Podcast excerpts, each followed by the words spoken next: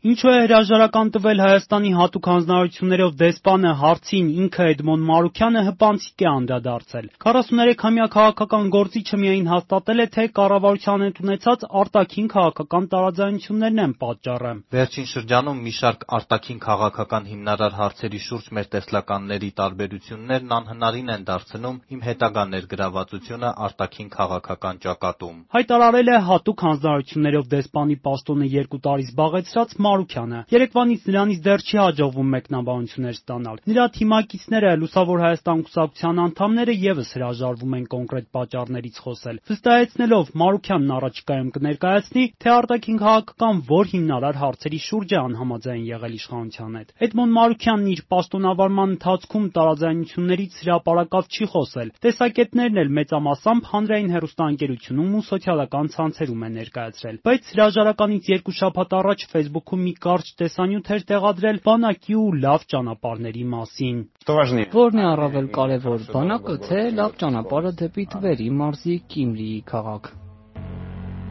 Բանակը, քանի որ ոչ մի քաղաք չի լինի, եթե այն չլինի։ Այս հրապարակումը հաջորդել էր կառավարության նիստին, որտեղ գործադիրի ղեկավարը 10 րոպեից ավելի նոր ճանապարհների կառուցման ցանկն էր թվել։ Նիստի նախօրեին էլ ներքին հանդում Ադրբեջանի կրակոցներից հայկական կողմը 4 զոհ, 1 վիրավոր ունեցավ։ Մարսաթանի շինարարությունը հիմա ընթացքի մեջ է, ճիշտ է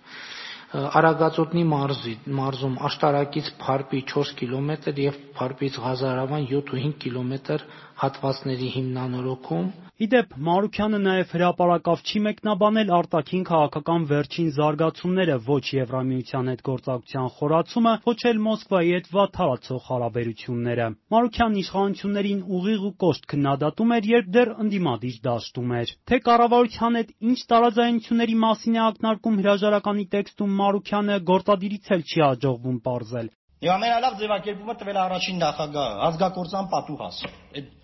դասական, դասական ձևակերպում է։ Պատերազմից հետո վարչապետի հասցեին այս գնահատականը հնչեցրած Մարուքյանին չխանգարեց ուղիղ մեկ տարի անց Փաշինյանի կաբինետում պաշտոն ստանալ։ Պարտության սիմվոլ է,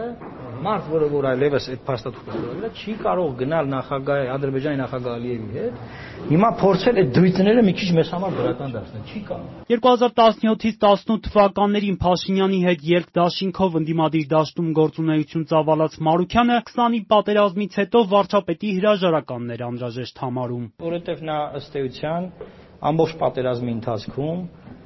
ԳՇՊՏ-ի հայտարարության համաձայն 4 օրվանից սկսած իմացել է, որ պատերազմում ենք, պարտվում ենք,